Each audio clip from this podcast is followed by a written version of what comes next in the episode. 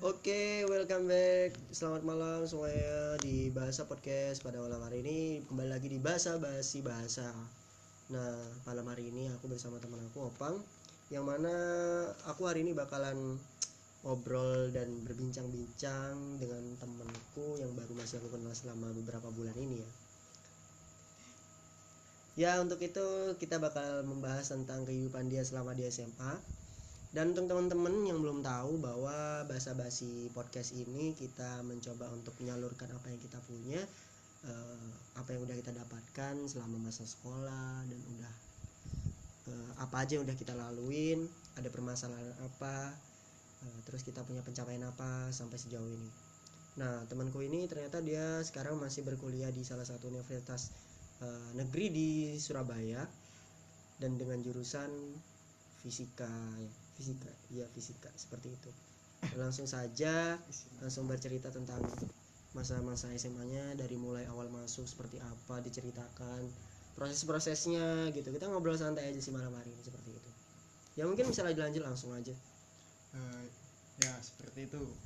Mungkin apa ya eh, takdir yang saya dapatkan eh,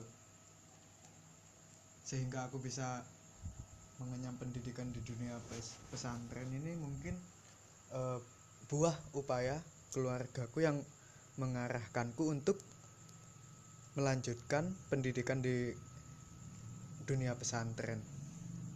Ya awal mulanya sih juga risih sih. Awal kan awal mulanya SMP itu ya maklum lah kehidupan ingin diakui eh, membangun relasi sana sini kan kalau tiba-tiba ke pesantren kan biasanya aduh nanti ditinggal teman-temannya.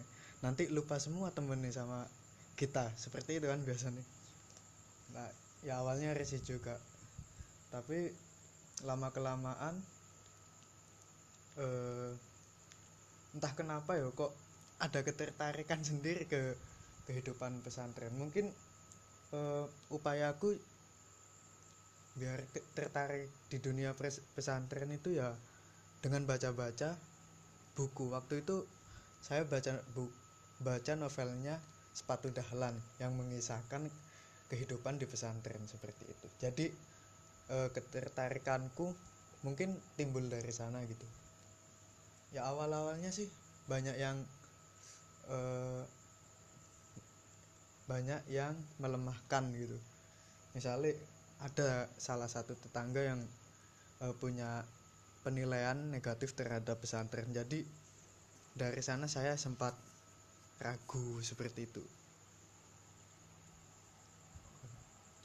Jadi kalau menurut aku ya sempat ragu untuk mondok sebenarnya Upang sendiri pernah nggak untuk kepikiran bahwa kenapa sih kok nggak SMA yang di kalau eh, pondoknya kan selalu SMP kan ya? Ya pondoknya selalu SMP dan Opang ini lulusan SMP 5 Probolinggo ya SMP 5 ya. Wah itu orang-orang pintar semua ya, ya enggak enggak juga. Iya, dan saya termasuk orang pintar tapi saya nggak keterima di sana. Nggak tahu kenapa. Nah tapi khususnya nih eh, ya berpikir juga sih kenapa sih Opang milih untuk kayak jadi eh, kenapa sih kok pengen mondok daripada kan padahal di SMA di Probolinggo juga kan sebenarnya banyak juga yang favorit juga ada yang dekat dari rumah. Ya Iya seperti itu. Kenapa kok lebih memilih untuk pondok yang jauh seperti di Jombang? Padahal kan basicnya anak-anak yang pengen jarang tuh Pak, basic anak-anak yang memang pengen di pondok kalau nggak dipaksa gitu. Kalau nggak pengen keinginan orang tuanya nggak bakal mau mungkin seperti itu. emang awalnya yuk keterpaksaan sih saya dulu sempat di apa namanya didaftarin di salah satu pesantren di Probolinggo cuma pas waktu tes itu saya milih kabur itu kan mungkin belum siap atau Kabur? ya Kabur dari pesantren itu. bukan dari seleksinya Oh kan dari ada seleksi. kan ada dua tahapan tuh yang Wah, iya, pertama ikut Hmm, dan yang kedua saya milih untuk kabur dari situ. Wow. gak Berani ngikutin sekali Anda. Apakah pada saat itu orang tua tidak marah-marah? Ya, Kecewa? kecewa sih kecewa kan apa ya kalau orang tuanya kan eh, menginginkan anaknya masuk ke dunia pesantren itu mungkin dia impian kan bagi dia impian Iya, mungkin jadi anak yang soleh ya. Iya. Catatannya seperti itu. kalau kalau misal impian orang tua nggak diwujudin ya kan bakalan kecewa seperti itu Hmm, hmm, hmm.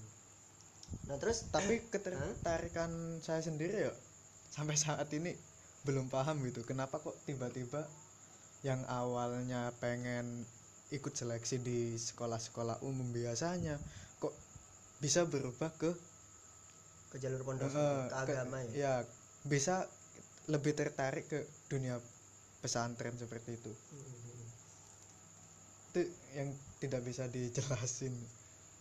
Ya kayak ada semacam sugesti atau apalah. Hmm. Jadi eh, tadi kan itu sudah perjalanan hidup dari SMP menuju ke SMA, mungkin- lah pondok. Terus, mungkin saya mau apa ya eh, nambahin juga sih kisah-kisah kisah-kisah awal mula saya berada di pesantren seperti itu ya dilanjutkan karena memang kan kita hari ini tentang membahas tentang bagaimana masa Hmm. lalu eh, Mas Opang ini ketika sekolah gitu. Hmm. Jadi ketika eh, mungkin mau cerita tentang SD, SMP sampai SMA. enggak Ya, enggak ya karena mungkin ya memang ada beberapa hal yang bisa kita petik nantinya se- gitu. sepertinya klimak kehidupannya ada di dunia pesantren itu Hmm. Bisa diceritakan dari awal mula Eh, masuk pondok sampai awal mula Lulus. entah kenapa ya aku kok gak suka gitu cara-cara umum misal misalkan eh, kebanyakan santri itu masuk ke pondok pesantren diantar dengan orang tuanya kalau Hmm. kalau saya tidak terus justru saya pamitnya main pamit ke orang tua itu main dan itu janjian ke eh, janjian sama kakak saya oh dan udah direncanakan. iya Oh, direncanakan direncanakan. Tapi orang tua nggak tahu ya. nggak tahu Oh, dan nggak tahu ya. dan saya bilang ke mbak mbak saya Hmm. itu jangan sampai orang tua tahu gitu soalnya apa saya males heboh itu nanti kan biasa lah orang tua nanti kan mungkin ceritain ke tetangga gini gini gini Hmm, gitu. Takut jadi bahan omongan ya. iya enggak Tapi menarik sih. Eh, biasanya jarang tuh orang-orang yang eh, pamit untuk pondok itu ya dengan cara bermain gitu. Saya baru denger ini soalnya saya dapat sangu cuma 50 naik bis itu ya. iya Saya eh, kalau nggak salah eh, pernah juga kecopetan ya katanya di bis waktu itu. waduh itu waktu sudah di pesantren Oh, itu sudah Jadi- masuk. Eh, kan namanya kan pamit main sih Hmm, mesti kan pakaiannya cuma terbatas dan saya berangkat ke pesantren itu pakai celana pendek Tiga perempat itu. iya Apa? Gila. jeans Itu jeans ya, tiga. Iya. Pakai kaos, jaket. Pada kaos sama jaket Hmm. tentunya ya sama bawa cadangan apa baju koko sama sarung nggak gitu gila sih gila, gila. terus terus terus bisa dilanjutkan cerita terus kan ya sudah apa namanya kan awalnya kakak saya yang di posisinya di Bangkalan. Kita ketemuannya di eh, Surabaya di terminal Bungurasi Hmm, hmm. Uh, waktu waktu kakak saya melihat saya di Bungurasi sontak kaget kan. Kok ada calon santri Hmm. yang mau ke pondoknya dengan pakai tiga perempat aneh kan? Iya iya. Ya emang saya suka keanehan kak. Ya, karena emang ada saya melihat anda itu aneh sih banyak kehidupan anda yang aneh dalamnya. Dan apa ya? Eh habis itu ya udah ke pesantren. Kan waktu itu eh, mungkin seleksi pendaftaran bukan seleksi pendaftaran eh, masuk pondok? masuk SMA oh SMA SMA itu udah pada ditutup gitu. Yo nah, iya. itu kebetulan mungkin pondok pondok saya yang kecil mungkin.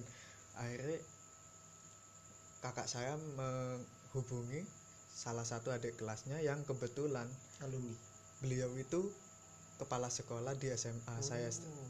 dulu otomatis kan saya menjaga image dari Hmm. situ soalnya apa saya membawa nama nama kakak saya gitu Hmm. kalau saya udah berbuat buruk di dunia pesantren otomatis yang kena dampaknya ya juga nama baik si kakak Hmm. saya itu Iya. akhirnya kelas 1 saya mencoba berproses dengan baik dengan benar seperti itu padahal ya awal awalnya kan apa ya anak murahan lah Hmm, bisa hmm, dikatakan hmm. seperti itu ya lalu kemudian entah karena prosesku seperti itu saya mulai dapat kepercayaan dari santri-santri di sana Mm-mm. ustadz-ustadz seperti itu dan eh, hasilnya ya gitu kelas 2 saya diamanahi jadi ketua pondok alhamdulillah dan innalillah. Innalillahnya apa? Ya apa ya?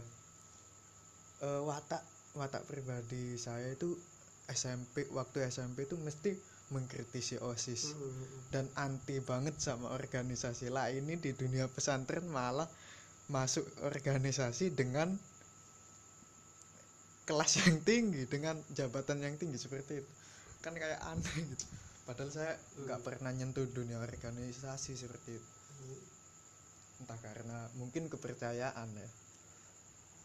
Ya tapi apa kesempat kaget gitu ketika tahu kalau bahwa wah ternyata aku dipilih sebagai ketua pondok dan eh, apa yang harus aku awali di awal gitu. Kayak misalkan step awal ketika kamu mendapatkan suatu amanah yang begitu besar dan itu sangat apa ya yang per- yang pertama kan ketika kita diberi amanah begitu besar dan kamu dipercaya oleh semua kalangan pondok baik itu kiainya maupun eh, eh, yang eh, teman-teman yang lain Eh, step awal yang kamu lakuin supaya kamu itu berjalan dengan baik itu apa? Pertanyaan pertama sekali itu apa ya masih berbentuk formalitas itu. Ada ketakutan wah udah diamanain aku harus baik. Padahal itu justru mengekang diri kita sendiri. Akhirnya kinerja kita kinerja aku pribadi di awal emang aku akuin jelek gitu. Nah, terus lambat laun ya aku sadar apa aku di sini bukan karena formalitas emang rasa emang kepercayaan Hmm. mereka kan yang sudah memilih saya. Akhirnya ya itu apa namanya eh kalau mau bikin kegiatan itu tanya dulu sama Hmm. sama adik-adiknya atau kakak-kakaknya oke oke oke. atau yang apa masyarakat pesantren lah istilahnya Tap- tapi yang sudah pernah dikerjakan oleh anda sendiri pencapaian apa sendiri ah, pencapaian apa yang sudah anda dapatkan gitu yang sudah anda capai ketika anda menjabat sebagai ketua pondok pasti kan ada tuh yang misalkan acara-acara keagamaan. Itu kan pasti kan ketua pondok yang mengor- ah, mengkoordinisir tentang terkait Hmm. pelaksanaan tersebut gitu Eh, kalau saya kalau saya pribadi sih eh, meng- mengambil meng- apa memilih sesuatu itu berdasarkan resiko terburuknya seperti Hmm, itu. hmm, hmm. jadi kayak pencapaian pencapaian gitu wis bodoh amat gitu. Yang penting rutinitas kalau saya pribadi. Bodoh amat dengan acara-acara besar yang mem- mungkin itu bisa mengangkat nama kepengurusan yang saya kendalikan kan? Ah, benar-benar tapi apa? Dampak negatifnya. Misal kalau dunia pesantren nih eh, orga- organisasinya Hmm. pelaksanaannya me- mesti instan intens. Hmm. ya. Soalnya apa setiap hari setiap waktu sholat kita harus kerja seperti itu kerja ya kerja kerja maksudnya itu apa ya mengayomi adik-adiknya menyuruh sholat mengatur kayak gitu kan lebih intens kan Hmm. bukan kayak organisasi osis kalau udah kelar sekolah dia bubar gitu. Hmm. kalau di pesantren pesantren kan kehidupannya sehari-hari pasti berkelanjutan aku Hmm. lebih mengutamain keistimewa keistiqomaannya atau keberlanjutannya ritual kesehariannya itu. Hmm. jadi nggak muluk-muluk gitu. Karena apa? Akibatnya nanti apa ya kalau rutinitas kita tidak dibangun rutinitas adik-adik kita tidak dibangun nanti kacau. Kalau kita lebih memilih suatu venue besar yang cuma impactnya mengangkat nama baik kepengurusannya. Apa impact buat adik-adiknya Hmm. kan itu kan malah buruk kan seharusnya dia mengurusi rutinitas yang mem- yang mungkin bisa memban- membentuk kebiasaan dia sholat tepat waktu Hmm. disiplin waktu itu harus kalah sama kegiatan-kegiatan yang mengangkat nama kepengurusan gitu sampai sempet apa ya di crash sama teman-temanku sendiri Hmm. gara-gara aku lebih memprioritaskan hal-hal yang sifatnya apa ya rutinitas gitu Hmm. daripada kegiatan-kegiatan besar. Eh, menjabat sebagai ketua asrama itu setahun ya? Setahun. Setahun ya, kelas 2 itu ya? Ya kalau misalkan itu kan tadi kegiatan dari ke, sisi keagamaannya kan ya mm, dalam progresnya kalau misalkan yang berbentuk sosial itu seperti apa? Misalkan ada kegiatan sosial ke sosial yang kamu selenggarakan mungkin anda selenggarakan. Kalau yang berbentuk sosial. gitu, untuk lingkup sosial mungkin ya ngatur apa ya? Ngatur kondisi internal pesantren. Misal gimana caranya kita menjaga kondisi agar eh, santri-santrinya tidak berkelahi. Cuma kayak gitu-gitu kalau kegiatan sosial yang Hmm. lain bersifat edukasi hmm, kayak gitu. Bersifat pendidikan. Misal ada apa kelas bahasa Inggris malam Mm-mm. seperti itu jadi kalau sosial mungkin kita terkurung di asramanya itu kan nggak bisa hmm, hmm. nggak bisa bersosial ke luar itu. Oh berarti maksudnya kegiatan sosial maksudnya dalam kalau kegiatan sosialnya tetap non formal ya. Iya, tetap, kegiatan tetap non sudah di lingkungan pesantren itu? Iya. Nggak bisa keluar dari pesantren Iya. itu. kegiatannya ya ya berbentuk non formal seperti itu. Tapi ketika anda sekolah apakah anda berorganisasi tidak. Ketika paginya bersekolah. Kan pasti kan di situ paginya kita sekolah. Iya. Nah, tidak kalau di sana ada kebijakan tidak boleh menjabat dua jabatan sekaligus. Tidak boleh menjabat kedua jabatan sekaligus? Iya. Ba- berarti kan kalau misal anda kalau kalau saya kan apa ya porsi jabatannya kan fatal kan ketua. Kalau misal ketua ikut nyampurin osis kan, gitu ya ikut disebut anggota? Tidak. Nggak boleh? Nggak boleh. Tetap nggak boleh? Nggak boleh kecuali dia jadi staff Mm-mm. atau ketua divisi di pesantren dia masih boleh mengikuti kegiatan osis seperti itu. Hmm, jadi kak oh, takut kelabakan seperti itu?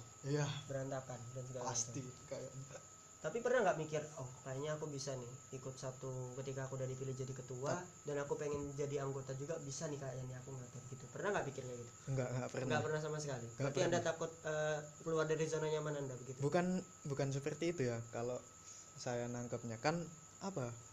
Background organisasi saya masih belum kuat. Oh, masih Iya. silih-silih. Nah, dan saya eh, terlahir di sebuah komunitas doang. Saya eh, mengikuti kegiatan formal berbentuk komunitas sekedar komunitas bukan organisasi. Komunitas bukan berorganisasi. Bukankah komunitas itu kan pasti udah udah pasti terorganisasi terorganisasi maksudnya? Tapi sistemnya beda. Sistemnya beda seperti apa? maksudnya komunitas apa yang anda tekuni pada waktu anda bilang itu? Kalau saya saya dulu apa ya komunitas. Mungkin sepak bola seperti itu. Nah di sana apa ya? Mungkin satu frekuensi gitu. Jadi semua sudah klop semua sudah dapat rasa. Bedanya komunitas sama organisasi kalau yang saya tangkap itu komunitas itu lebih yang yang lebih awal dibentuk itu rasa kekeluargaannya hmm. rasa kesungkanannya. Beda sama organ organisasi. Kalau organisasi itu sudah terdeadline kegiatan apa yang mau dilakuin. Hmm, hmm. entah itu dapat chemistry atau enggak itu enggak masalah. Kalau dalam organisasi yang penting kegiatannya jalan. Beda kalau sama komunitas. Komunitas membentuk eh, rasanya dulu. Jadi nanti eh, kalau sudah dapat feelnya kita apa ya kalau mau ninggalin suatu kegiatan bakalan sungkan gitu. Itu yang gerakin itu sungkan kalau kalau organisasi yang gerakin karena kewajiban bukan sungkan. Iya sih tapi kan memang ketika udah berorga- berorganisasi kan udah tahu be- kebijak eh, tempatnya dia di sini tugasnya dia di sini itu kan udah jadi kewajiban dia gimana? Kalau maksudnya? maksudnya begini kan katanya kalau udah komunitas dia kan yang dibentuk rasa. Jadi kan kalau dia pengen meninggalkan kan dia sungkan Mm, Nah sama apa bedanya kalau dengan berorganisasi? Sedangkan di organisasi itu dia sudah memiliki jabatan yang seharusnya dia tanggung jawabi, gitu. mm. Be- Eh, apa bedanya jadi kalau seperti itu? Kan bukannya sama-sama sungkan juga untuk meninggalkan. Ketika yang di organisasi misalkan dia harus tugasnya itu tapi dia mau meninggalkan gitu masa apakah komunitas dan organisasi itu berbeda menurut anda ketika itu dua mung- kesinambungan? mungkin nggak tahu ya apa mungkin cuma di organisasi saya yang seperti itu ya? Maaf teman-teman. Eh, jadi eh, kalau ke kalau bentuknya organisasi itu biasanya misal kamu ahli IT gitu kamu pasti dimasukin ke media bagian media lah lah kalau kerjamu keteteran itu teman-temanmu bakalan ini bakalan pesimis. Wah kalau di organisasi wah saya gak bisa membantu sanda. Ya wis gitu toh. Beda sama di, di komunitas. Kalau di komunitas itu biasanya dia melihat temannya kesusahan tapi dia gak ada gak ada keahlian di bidang di bidang itu. Dia itu mau belajar kalau di komunitas seperti itu bedanya Bedanya. kalau yang kalau yang saya tangkap nggak tahu kalau orang lain Nah, itu. Kalau pandangan saya sih ya, ini kan beda pandangan ya. Ya. Maksudnya yang pernah saya alami juga sebenarnya. Bahwasanya ketika kita berorganisasi itu kan harusnya eh, udah dapat chemistry-nya di awal. Tapi kenapa eh, yang tadi Opang bilang itu kan kayak eh, nggak dapet takut kayak gini kayak gini bedanya komunitas dan organisasi. Tapi kalau menurut pandangan saya gini, organisasi sebenarnya kita sama-sama belajar di situ. Bener kita diberi tanggung jawab yang berbeda Se- eh, misalkan si A bagian ini si B bagian ini si C bagian ini. Tapi itu kadang ya ketika si C ini memil- eh, mengalami kesulitan maka ketuanya akan menemui si C dan akan menanyakan kendalanya itu seperti apa gimana gitu. Sehingga nanti ketika eh, proksi-proksi yang lain itu sudah selesai nanti pasti mereka bakal bantu si C ini untuk menyelesaikan apa yang dia belum selesaikan. Sebenarnya organisasi hampir sama dengan komunitas sih. Ada ketuanya ada sekretarisnya. Tapi komunitas itu ketua ketuanya itu sekaligus sesepuhnya. Jadi emang apa ya? Emang bener-bener ada rasa dikagumi dihormati. Dia itu berwibawa atas usianya. Biasanya komunitas itu diketuai oleh yang senior. Seperti itu. Beda sama kayak organisasi. Organisasi kan ada ketua ketua tapi osis tapi ketua kalau saya pribadi dulu eh, kadang kadang saya itu nggak dapet suara dari anggota-anggota kepengurusanku. Saya lebih di seperti merasa kalau di awal seperti merasa dibela oleh masyarakat pondoknya santri-santri pondoknya bukan dari teman-teman sendiri sebenarnya Hmm. mungkin ada apa ya salah satu teman saya yang mungkin ego kayak gitu entah pandangannya apa Eh, dia itu merasa yang mengetahui keseluruhan pondok Hmm. sehingga meremehkan saya Hmm. dan dia itu su- sudah dipercayai teman-temannya Hmm. akhirnya dia eh, bikin kayak apa ya namanya? Pokok gak, gak usah manut sama saya gitu. Gak usah nurut sama saya. Emang ada ya kayak gitu ya di pondok? Ya? ya masih lah. Saling menjatuhkan seperti itu? Ya masih. Masih? Ada ya seperti itu ya? Tapi lambat laun teman-teman saya mulai sadar gitu. Oh ini opang perlu bantuan gitu gitu gitu.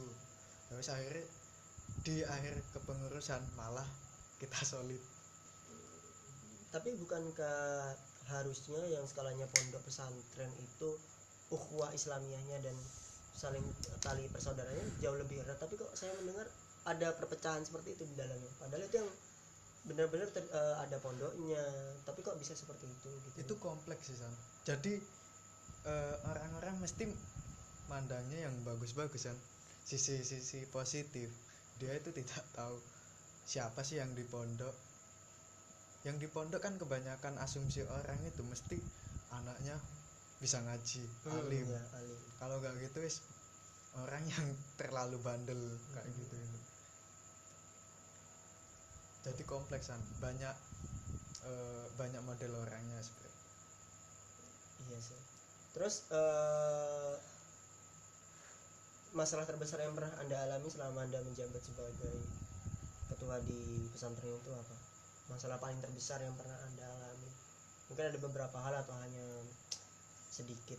Kalau kalau masalah teknis sih teknis sih saya saya tidak terlalu memikirkan ya. Tapi kalau masalah prinsip gitu. Saya tuh eh, mesti alih apa? Bimbang gitu. So- Bimbangnya kenapa? Ya yang mana yang harus saya prioritaskan? Eh, apa saya menuruti suara su apa? Suara ma- santri pondok atau suara dari teman-teman saya? Yang di keduanya itu suaranya saling kontradiktif. Ya. Seperti itu. hmm, jadi bimbang antara kayak gitu. Kalau saya nuruti omongan santri gini gini gini saya gak dipercayai sama teman-teman saya sedangkan kalau saya nuruti omong-omongan omongan teman saya nanti santrinya tidak kena itu apa namanya kan kebanyakan gini kan e, misalnya Kena itu gimana maksudnya? Saya paham maksud. su- kan biasanya kan suatu organisasi berusaha menyelang, menyelenggarakan suatu kegiatan kan. sedangkan kegiatan itu tidak ada ketertarikan dari santri-santrinya Hmm.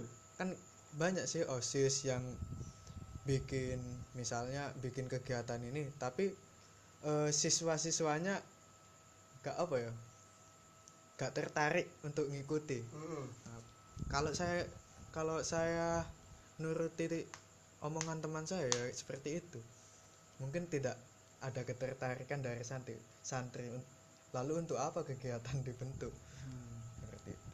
Nah, itu tadi poin-poin dari kehidupannya selama berorganisasi ya. Ya terlepas dari itu, ini kan cerita kita tentang sebenarnya bukan dari satu aspek aja, dari beberapa as- semua aspek kita bahas ketika masa lalu kita. Dan saya ingin membahas eh, tentang pengalaman dari sisi kesenangannya dalam artian apakah seorang anak pondok pesantren itu dalam tanda kutip juga pernah merasakan yang namanya suka dengan seseorang mungkin seperti itu suka iya iya iya iya. kan beda tuh dengan yang SMA SMA mungkin udah wah udah hal Iya, biasa iya, iya. saya kan ingin tahu dari sudut pandang kalau anak pesantren itu bisa? Hmm. pernah apa tidak gitu menjalani hal seperti itu yang notabene kan dibatasi ruang tempat justru itu ide kreatif kita muncul dari hal yang terbatas Iya, kalau kita udah terdesak bakalan muncul. Entah itu ide nakal entah itu ide yang membangun. Heeh.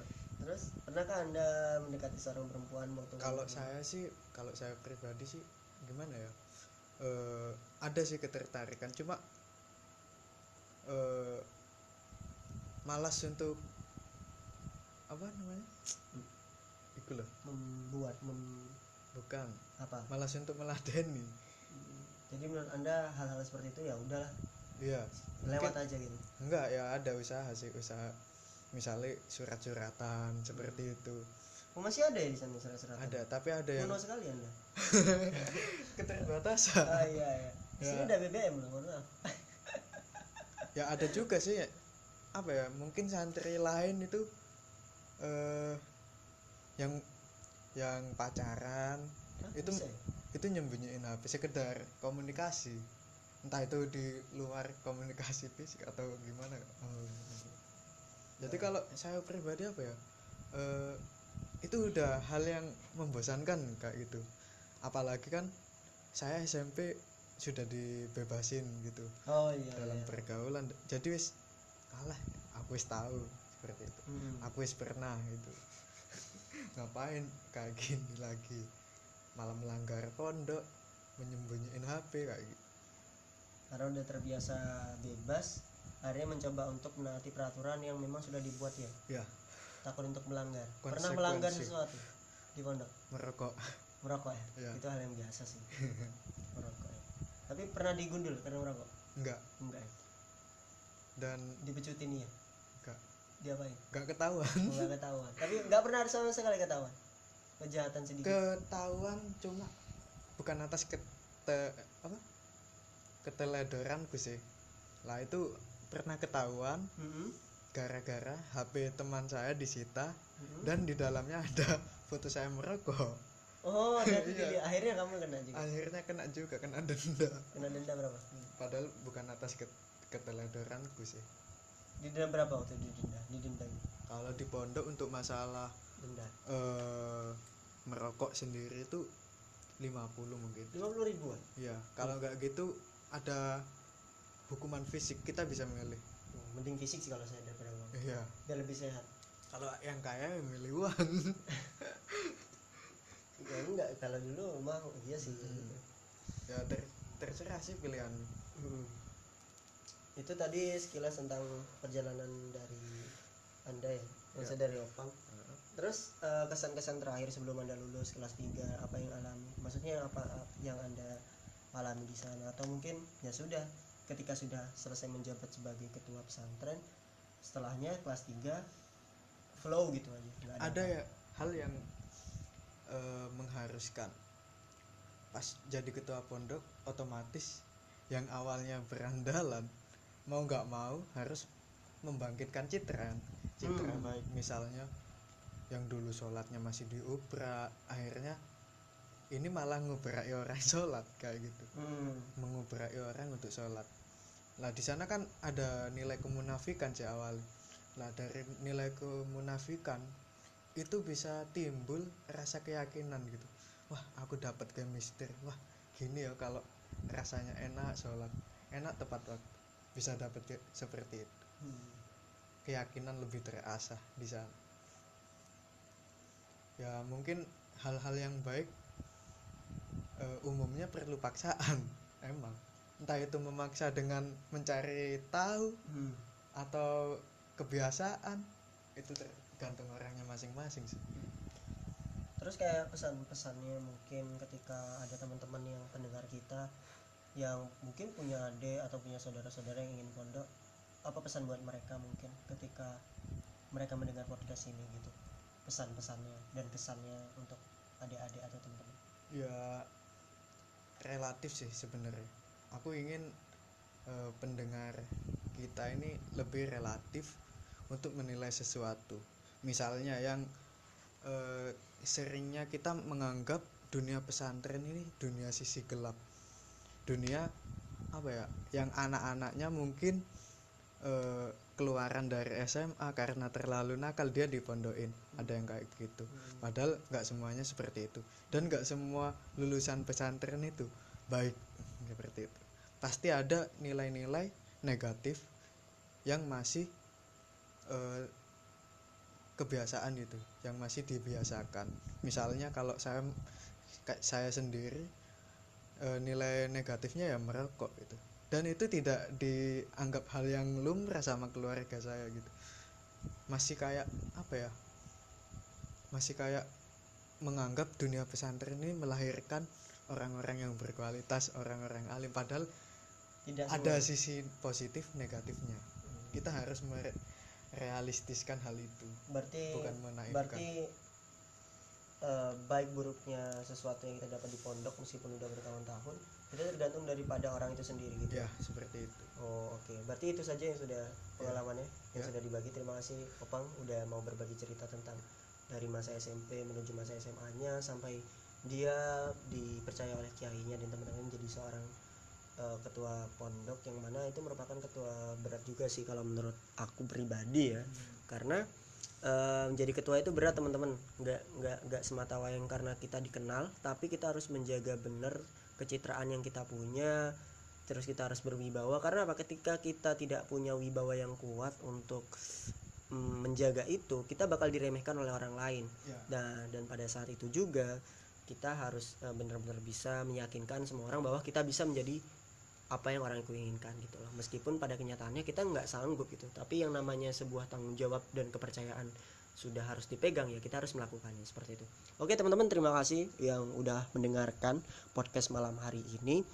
Jangan lupa untuk eh, share-share ke teman kalian dan kalian bisa juga dengerin di Spotify ada juga di situ.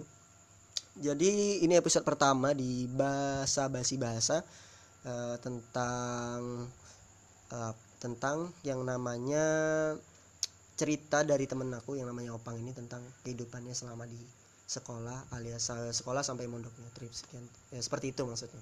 Oke, terima kasih. Selamat malam semuanya, selamat tidur. Dan jangan lupa untuk happy terus. Stay tune. Dan assalamualaikum warahmatullahi wabarakatuh.